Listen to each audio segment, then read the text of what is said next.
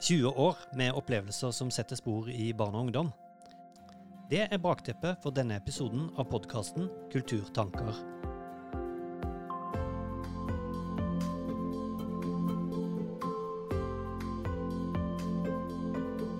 Dette er Kulturtanker, en podkast fra Kulturtanken. Kulturtanken er en statlig fagetat for kunst og kultur til barn og unge i skolen, som bl.a. har det nasjonale ansvaret for Den kulturelle skolesekken. Vi lager den podkasten her fordi vi vil øke fokuset på kunst og kultur til barn og unge, diskutere temaer knytta til det, og vise fram noe av alt det utrolig gode arbeidet som gjøres rundt omkring i landet for å gi barn og unge opplevelser de tar med seg videre i livet. Den kulturelle skolesekken er en ordning som sørger for at alle skoleelever i landet får oppleve profesjonell kunst og kultur i skolehverdagen. I 2021 så har Den kulturelle skolesekken eksistert i 20 år som nasjonal ordning. Det betyr at det finnes mange unge folk der ute som har opplevd kunst og kultur gjennom hele skoleløpet sitt i regi av DKS. Og de opplevelsene, de kan sette spor. Nå skal du få møte tre unge mennesker som på ulikt vis har tatt med seg det de har opplevd i Den kulturelle skolesekken, videre i livet.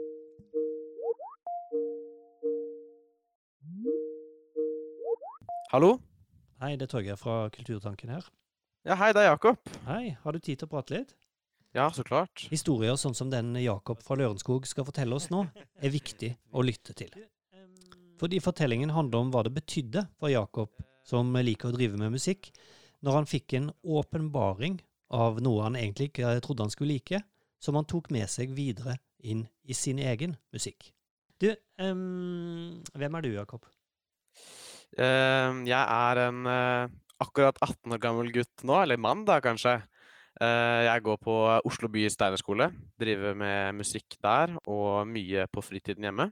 Hva kan du huske av DKS opp gjennom åra på skolen? Nei, jeg husker jeg, ganske konk konkret altså vi, Jeg husker vi hadde veldig mye på barneskolen. Så hadde vi ganske ofte besøk. flere ganger i året. Uh, jeg husker mye, Det var mye rart og mye gøy og mye spesielt. Vi snakka jo om en helt konkret historie, eller du har en helt konkret historie som, ja. du, um, som du husker som på en måte satte litt spor i deg. da. Kan ikke du fortelle om det? Jo, jeg tror det var åttende klasse uh, på, altså i ungdomsskolen. da. Uh, vi hadde starta akkurat på ungdomsskolen, tror og så fikk vi besøk av Eller vi skulle få besøk av et sånt samisk prog-rockeband. Og jeg husker det var, eh, det var akkurat den Det hørtes spesielt ut, fordi det var liksom Progrock var det ingen som visste hva det var. Så var det i tillegg samisk. Det var sånn Ja, OK, skal noen stå og joike liksom i, eh, i en time, liksom? Så det var liksom Folk var veldig skeptiske til det. Eh, så husker jeg at når vi kom inn i salen, så introduserte de Det var vel én dame og tre menn eller sånt, da. Og det var Det var eh, det virka i starten, så var det litt sånn spesielt. Og Altså, før de begynte å spille, så husker jeg at da tenkte jeg sånn Nei, det her kan ikke bli bra. De, de var liksom kanskje ikke de kanskje ikke introduserte seg selv så bra, da, eller et eller annet sånt. Men så begynte de å spille, og så bare husker jeg Som jeg husker ganske konkret, liksom det der skiftet fra at det gikk fra at jeg tenkte det her, det her kommer til å være kjedelig, til at det var helt fantastisk, da.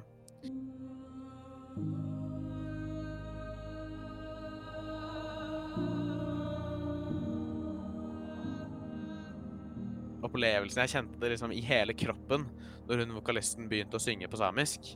Det var, det var faktisk helt magisk å sitte og, og, høre på.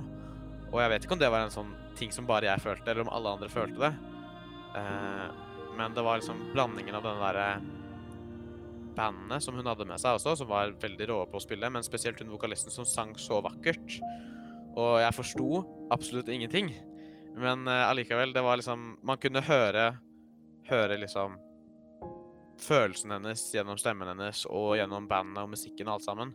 Og det var virkelig helt nydelig. Har du tatt med deg noe fra den opplevelsen inn i musikken din i dag? Altså, jeg, jeg har jo jeg har, Det kommer opp eh, innimellom denne opplevelsen. Men jeg husker liksom det at denne spesielle opplevelsen Det er på en måte også noe jeg Jeg har alltid hatt lyst til å kunne, gjennom det jeg lager og gjør, kunne gi noe av det samme til andre, da. Så det har på en måte Jeg vet ikke om jeg liksom om det, har direkte tenkt på det, Men jeg vet at det har liksom hjulpet til å forme mitt sånn bilde på musikk, og hva jeg mener at musikk skal være, og hva, hva musikken jeg skal lage, skal være for folk, da. Jakob er en av de som har hatt med seg Den kulturelle skolesekken gjennom hele skoleløpet. Og den, som alle de andre sekkene man får tildelt på skolen, fylles med opplevelser og læring. Den kulturelle skolesekken er for alle. Uansett hvem du er, hvem foreldrene dine er, og hvor du bor. Helt ute i havgapet, litt nord for Ålesund, ligger Haramsøya. Her bor det litt over 500 sjeler. De har egen skole og butikk og idrettslag, men ikke et spesielt stort kulturtilbud. Her ute i vindkastene bor Thea. Det er jo ganske lite, men jeg syns det er ganske koselig. Det er sånn Alle kjenner alle, og det er et veldig godt miljø. og Jeg koser meg veldig med å bo her. Jeg tror ikke jeg hadde klart å bo i store byer. De er jo i kulturtilbudene De er ikke de beste. Eller å se teater på Longva, og der er oss ganske store teater og drar til byen og spiller og sånn. Men det er ikke så masse mer enn det, egentlig. Der er kino av og til borte på Longva, men eh, det er ganske sjeldent. I hvert, fall, I hvert fall nå i korona. Det var oftere før. Når det er begrensa tilgang på kulturtilbud, så kan Den kulturelle skolesekken være et viktig supplement til nye opplevelser. Thea har mange gode minner fra DKS-arrangementer, men husker aller best et graffitiverksted. På Haramsøya og på Longva for så vidt, så er det ikke så mange folk som holder på med graffiti. Det er egentlig ingen. Og det er ikke så masse sånn eh, Det er ikke vanlig her ute å bare ta ei sprayboks og lage kunst på veggene og sånn. Så da jeg fikk vite at eh, oss skulle få besøk fra DKS av en mann fra Oslo som skulle lære oss graffiti og sånn, så var jeg ganske skeptisk. Jeg var litt sånn Ja, dette kan jo bli interessant. Jeg trodde nå at det bare var å sprute måling på veggen, men eh, Og så kom oss, og så viste han oss hvordan vi skulle gjøre det, og han var veldig flink. Han lot oss bare slippe oss fri og bruke kreativiteten vår, og det var egentlig veldig kjekt, og jeg ble inspirert, fordi at eh, jeg ble Det var gøy å liksom kunne bare slippe seg fri og forsvinne litt fra alle tankene og sånn, og bare bruke kreativiteten. Så på fritida mi nå, av og til, da jeg har tida og sånn, så setter jeg meg ned og tegner med farger og bare bruker kreativiteten min. Det er som om at mange farger bare popper opp, og jeg blir på en måte som en liten unge igjen. Fordi at alt bare kommer inn i hodet mitt, og så gjør jeg noe ut av det. Og jeg tror det er litt med at eh, oss får løp til å gjøre det på skolen og sånn, og at det kommer folk og viser oss. At uh, kunst og kultur inspirerer, f.eks. Thea her, har stor verdi. Men det er også andre følelser som kan trigges av kunst- og kulturopplevelser. Den tingen som jeg husker best, tror jeg var den gangen da det kom noen til skolen vår og hadde et skuespill om det å flykte fra krig, tror jeg. Og det å miste en venn. Så det husker jeg veldig godt. Det her er Lukas, som bor i Asker. Han er veldig glad i og opptatt av kunst og kultur. Men når han skal trekke fram en DKS-opplevelse som han husker godt, så kjenner han på en annen følelse enn eh, inspirasjon og glede. Jeg ble veldig sånn øh, Vet dere Det er vanskelig å beskrive det. Litt sånn Jeg vet ikke helt hvordan jeg skal beskrive det, men jeg ble litt sånn lei meg, på en måte. Selv om eh, Lukas ble lei seg denne gangen, så vil han gjerne ha mer. Jeg håper at vi kommer til å ha mer skuespill og film og teater på skolen fremover. Fordi jeg syns at det er veldig viktig å ha det i, den, i skolehverdagen og den vanlige hverdagen. Disse tre historiene forteller noe om at opplevelser av kunst og kultur setter spor i oss, og at man aldri kan vite helt når og hvordan det treffer deg.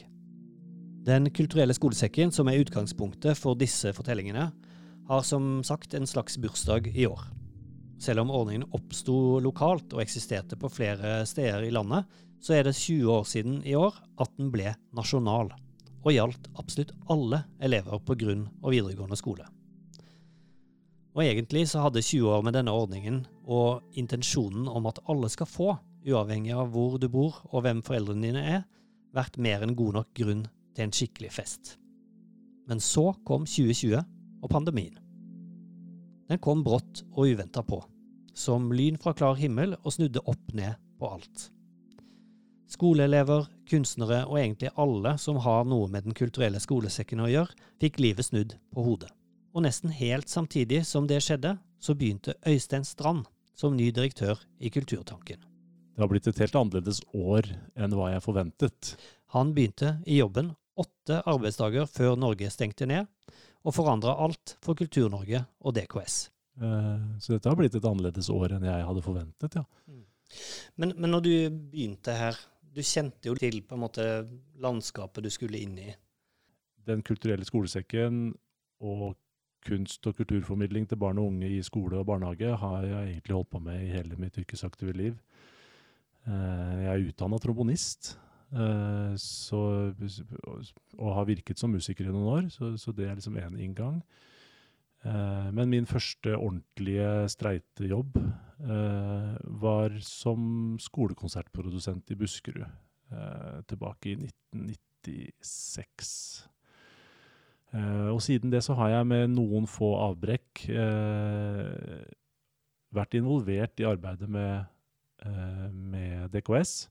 Så dette er jo veldig sånn kjent terreng for meg, og, og litt sånn på mange måter hjemmekoselig å komme tilbake til. Samtidig som jeg har respekt for at min kunnskap og kompetanse om DKS og ordningen i noen grad er utdatert. da. At Mm. det er lenge siden jeg har på en måte vært ute i feltet og opplevd det. Mm. Det hadde jeg gleda meg til å oppdatere meg på, eh, og har i liten grad fått gjort. Mm. Men, men har du opplevd noe? Eh, ja, i, I ett eneste arrangement har jeg vært på. Fått én DKS-opplevelse i løpet av dette året. Eh, hele én.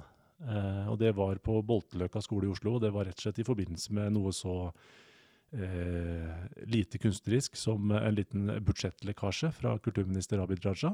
Og det positive bieffekt der var at jeg fikk med meg en forestilling da. Det var, eh, det var gøy. Mm. Men da under koronarestriksjoner. Svært få barn. Lang avstand til kunstnerne eh, osv. osv. Mm. Ja, fordi altså, dette er jo eh, Jeg vet ikke om man bruker liksom ordet anus horribilis riktig, eh, men altså at det har vært annerledes i 2020 og 2021, er det jo ingen tvil om. Hvordan vil du liksom beskrive situasjonen i DKS nå? Det er jo veldig delt. eh, For på den siden så er det jo åpenbart annus horribilis. eh, Selvfølgelig for de som eh, jobber med DKS ute i fylkeskommuner og kommuner, og som har måttet avlyse, kansellere, omarbeide, bearbeide, legge nye planer og gjøre om på ting hele tiden. Samtidig så, så er det med en viss bismak jeg omtaler det som annus horribilis, fordi at vi som jobber i uh, byråkratiet, da, eller i offentlig sektor, uh, vi har jo vært så heldige at vi har jo hatt våre jobber og vår faste lønn hver måned. Men at vi jobber jo i et felt og med utøvere som virkelig har fått kjent denne krisen på kroppen. Uh, og det er jo full krise fortsatt i kulturlivet. Uh, så det har vært en litt sånn vanskelig dualitet, på en måte. Eh, jeg var veldig glad for at når denne krisen traff oss 12. mars i fjor, eh, så gikk det veldig kort tid før alle fylkeskommuner og kommuner hadde samla seg om at de ønsket å utbetale fulle honorarer til utøvere i DKS, på tross av at det ikke ble noe arrangement. Eh, og det jeg kjennes godt, for det vet jeg var en, en viktig håndsrekning til en hel yrkesgruppe som fikk det veldig tøft over natta akkurat da. Så dette har jo selvfølgelig vært eh, krevende for de som jobber i fylkeskommuner og kommuner hele året, og selvfølgelig for kunstnerne, men, men resultatet har jo blitt eh, en ganske enhetlig praksis i forhold til avtaler som tar høyde for kanselleringer, eh, med litt sånn ulike frister inn mot arrangementsdato. Eh, og ulik grad av kompensasjon, da, avhengig av når en turné blir avlyst. Men det er åpenbart at, uh, at uh, det nok har blitt mindre aktivitet i DKS i 2020. Nå, nå er vi akkurat i en periode nå hvor vi samler inn uh, statistikk og rapporteringsmateriale fra fylkeskommuner og kommuner. Eh, og vi er jo veldig spente på det i Kulturtanken. Altså hvordan er totalbildet nå? Hvor lite aktivitet har det faktisk vært i 2020? Hvor stor er nedgangen? Dette er jo åpenbart problematisk både for kunstnerne, naturligvis, men ikke minst for skoleelevene, da, som får mindre av dette tilbudet som jeg mener er så viktig, eh, i en periode hvor de kanskje trenger det mer enn noen gang. Så har det vært ganske mye kreativitet i forhold til å tilby de noe, da. Mm. Eh, ikke, ikke uansett hva det skulle være, men altså å gjøre om på produksjoner sånn at de er Ja. digitale. Har det vært interessant å på en måte se den prosessen og hvordan det har skjedd, og hva det har endt ut i? Absolutt. Jeg kjenner, det er kanskje litt frustrerende da, for at jeg, jeg føler at jeg vet lite om det sånn egenopplevd. Eh, jeg er veldig imponert over eh, hvordan eh, engasjerte eh, Genuint engasjerte og flinke folk i fylkeskommuner og kommuner virkelig liksom har kasta seg rundt, tenkt nytt, tenkt kreativt, og, og ikke minst kunstnere som på en måte har har eh, tenkt nytt om produksjonene sine, kastet seg ut i eh, digitale produksjoner eller digitaliserte produksjoner, nytt landskap, testet ut dette. Ehm, vi har jo bestilt en egen eh, rapport om dette fra Telemarkforskning, som kom nå eh, for, i forrige uke. Ehm, eh, som peker på mange både positive og negative erfaringer med denne utprøvingen det første året. Eh, men ikke bare det digitale heller, da. Veldig mye kreativitet. Scenekunstbruket var jo tidlig ute med å utlyse ekstra tilskuddsmidler for koronatilpassede produksjoner. Altså, men ikke da digitalt, men hvordan man analogt og fysisk skulle tilpasse det til en ny virkelighet. Da. Så her har det også vært mye kreativitet rundt omkring. Så her har det vært gjort eh, mye god innsats og masse kreative folk som har gjort så godt de har kunnet. Eh, og så blir det interessant nå da, som sagt, både å ta til seg rapporteringene fra fylkeskommuner og kommuner. Vi skal ha en runde med dialogmøter med alle fylkeskommunene nå i april. Eh, det blir spennende å høre hvordan de har opplevd året. Eh, og så blir det interessant å se ja, i samtale med, med de som har gjennomført dette da, i løpet av koronaåret. Hvordan har det faktisk gått?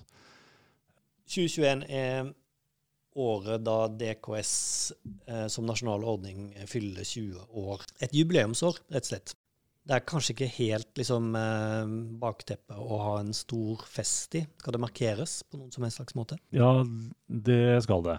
Jeg har, jeg har tidligere uttalt at dette er eh, kulturpolitikk politikk på sitt, nasjonal kulturpolitikk på sitt aller beste. Um, og med det mener jeg eh, at det å ha opprettholdt en så volumiøs ordning og videreutvikla den gjennom 20 år, og hatt kunst- og kulturformidling til barn og unge i hele landet, til alle skoleelever i 20 år, eh, det er det all mulig grunn til å være stolt av. Eh, og det er jeg stolt av, og det syns jeg alle andre i Norge skal være stolt av. Og da er jeg ikke stolt på vegne av staten, det var ikke staten som fant det på. Jeg er heller ikke stolt på vegne av Kulturtanken, men jeg er stolt på vegne av eh, nasjonen og kulturpolitikken i Norge, hvor vi faktisk har klart å holde liv i et samarbeid på tvers av forvaltningsnivåer og på tvers av sektorer i 20 år, med denne verdens beste intensjon om å spre kunst og kultur og formidle kunst og kultur av høy kvalitet til barn og unge i skolehverdagen. Hvordan skal det markeres? Vi hadde vel strengt tatt håpet når vi diskuterte dette i fjor høst, at vi var, kunne legge den pandemien bak oss når vi kom til 2021. Så har det da som kjent ikke blitt. Eh, og det legger jo et, et litt spesielt bakteppe for å, feire et jubileum. Det er ikke feststemning i Norge nå, og, og på ingen måte feststemning i skoleverket, og i hvert fall ikke feststemning i kultursektoren. Men allikevel, med tanke på fremtiden, da, eh, mener jeg at det er grunn til å markere en, en sånn milepæl og ha runda 20 år. Det som selvfølgelig da er ekstremt viktig for oss i Kulturtanken, er at vi ikke feirer oss selv. Vi feirer jo ikke Kulturtanken. For det første så er Kulturtanken bare noen få år gammel. Eh, men vi feirer ordningen som vi har samarbeidet om. Og, så dette har vi hatt tett dialog med fylkeskommuner om. Eh, og har absolutt inntrykk av at de er enige med oss at dette er verdt å feire. Så nå leiter vi da i samarbeid med fylkeskommunene etter måter, eh, gode måter å markere dette på med det bakteppet vi har med pandemi. Hva som er mulig å få til, og hva som vi ikke bør gjøre. Vi begynte å leke litt med tanken på kanskje det går an å børste støv av gullsekken. Eh, om ikke annet bare som en, en litt morsom 20-årsmarkering. En sånn 20-årsgullsekk. Eh, så jeg tok kontakt med Norsk Tipping. eh, og pitcha ideen for de, og lurte på om dette var noe de hadde lyst til å være med på. Uh, og responsen der var jo formidabelt positiv. Så er det klart, ingen konkurranser og priser i kulturfeltet er uh, uten, uten noen problematiske sider. Det å konkurrere i kunst og kultur er jo krevende. Noen deler av feltet holder på med dette glatt og uproblematisk hele tiden, som folkemusikkfeltet med sine landskapleiker osv. Mens andre har store aversjoner mot å kåre, på en måte trekke fram noen eh, i en sånn stor helhet som dette. Og hva slags kriterier skal det være? Hva slags kategorier? Hvem er det som skal få prisen?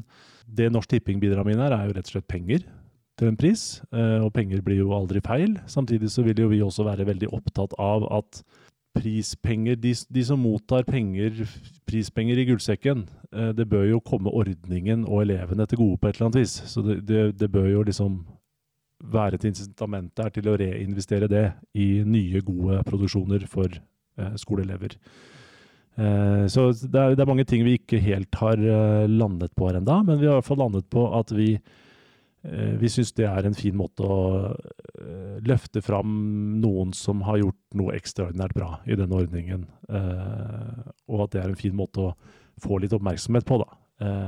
Det er jo også sånn at dette er året hvor historiens første egne stortingsmelding for barne- og ungdomskultur legges fram. Og det er klart, det å være med og løfte et positivt fokus på den ordningen som vi har hatt i 20 år, samtidig som det faktisk nå får et særlig politisk fokus på nasjonalt nivå med, med kunst og kultur for barn og unge, det mener vi er ganske god timing. Eh, og nå har denne stortingsmeldingen kommet, og DKS-ordningen er viet mye plass i meldingen. Eh, som underbygger ordningens betydning da, i den nasjonale kulturpolitikken for barn og unge. Mm. Hvilke sider er det du har gula ut? Så? Eh, ja, det er ganske mye. Eh, det er jo et helt eget kapittel om Den kulturelle skolesekken. Eh, og så er det en melding Er det et av da, 14 kapitler i meldingen uh, som også sier mye om et, et bredere uh, politisk felt da, enn kun DKS. Men, men at Den kulturelle skolesekken har jo noen helt unike fortrinn i det kulturpolitiske landskapet, eh, hvor det snakkes mye om relevans og representativitet, eh, eller mangfold og inkludering. Altså det at det offentlig finansierte kulturlivet faktisk skal nå ut til befolkningen.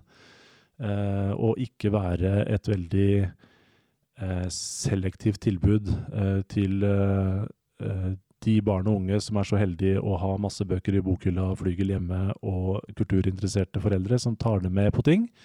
Dette er jo noe av det flotte med Den kulturelle skolesekken. At DKS faktisk er en del av skolen.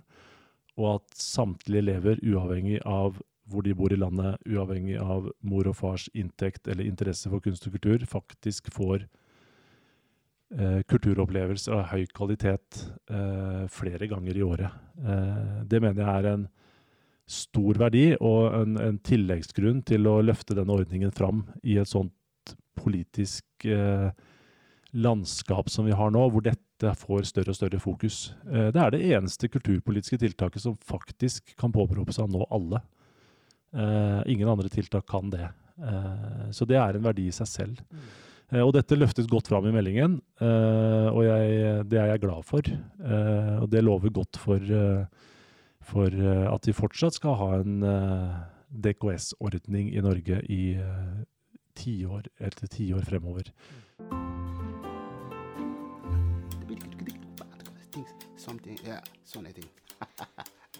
Denne stemmen og lyden av dette instrumentet er det mange elever som har opplevd gjennom DKS. Jeg heter Kwame Sereba. Jeg er musiker. Eh, folkemusikkartist. Kwame er en slags veteran i Den kulturelle skolesekken. Når vi ber han om å beskrive verdien det å turnere i Den kulturelle skolesekken har for han, så er det som å skru på en vannkran på fullt. Ordene flommer ut. Det er som å, å reise på, på, på, på, på diamantjakt. Jeg vet ikke hvor jeg finner denne diamanten.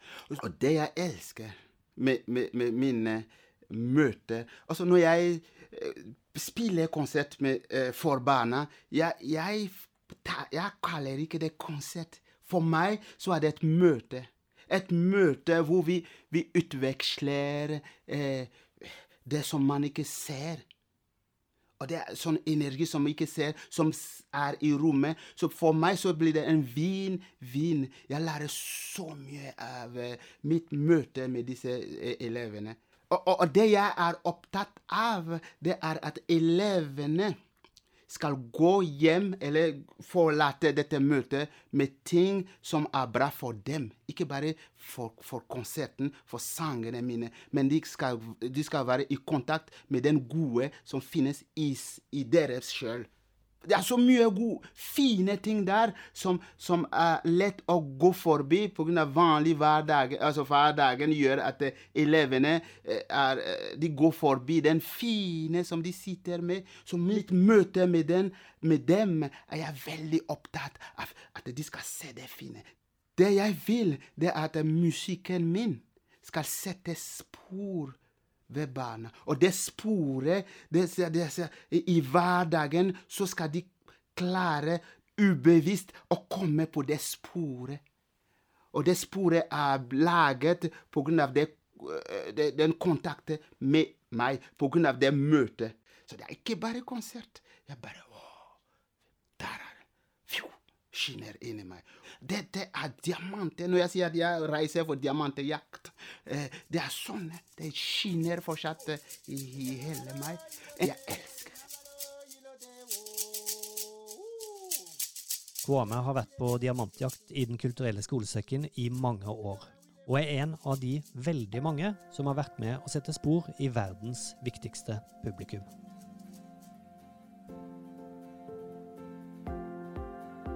Du har hørt på Kulturtanker, som er en podkast om kunst og kultur til barn og unge, laga av oss i Kulturtanken.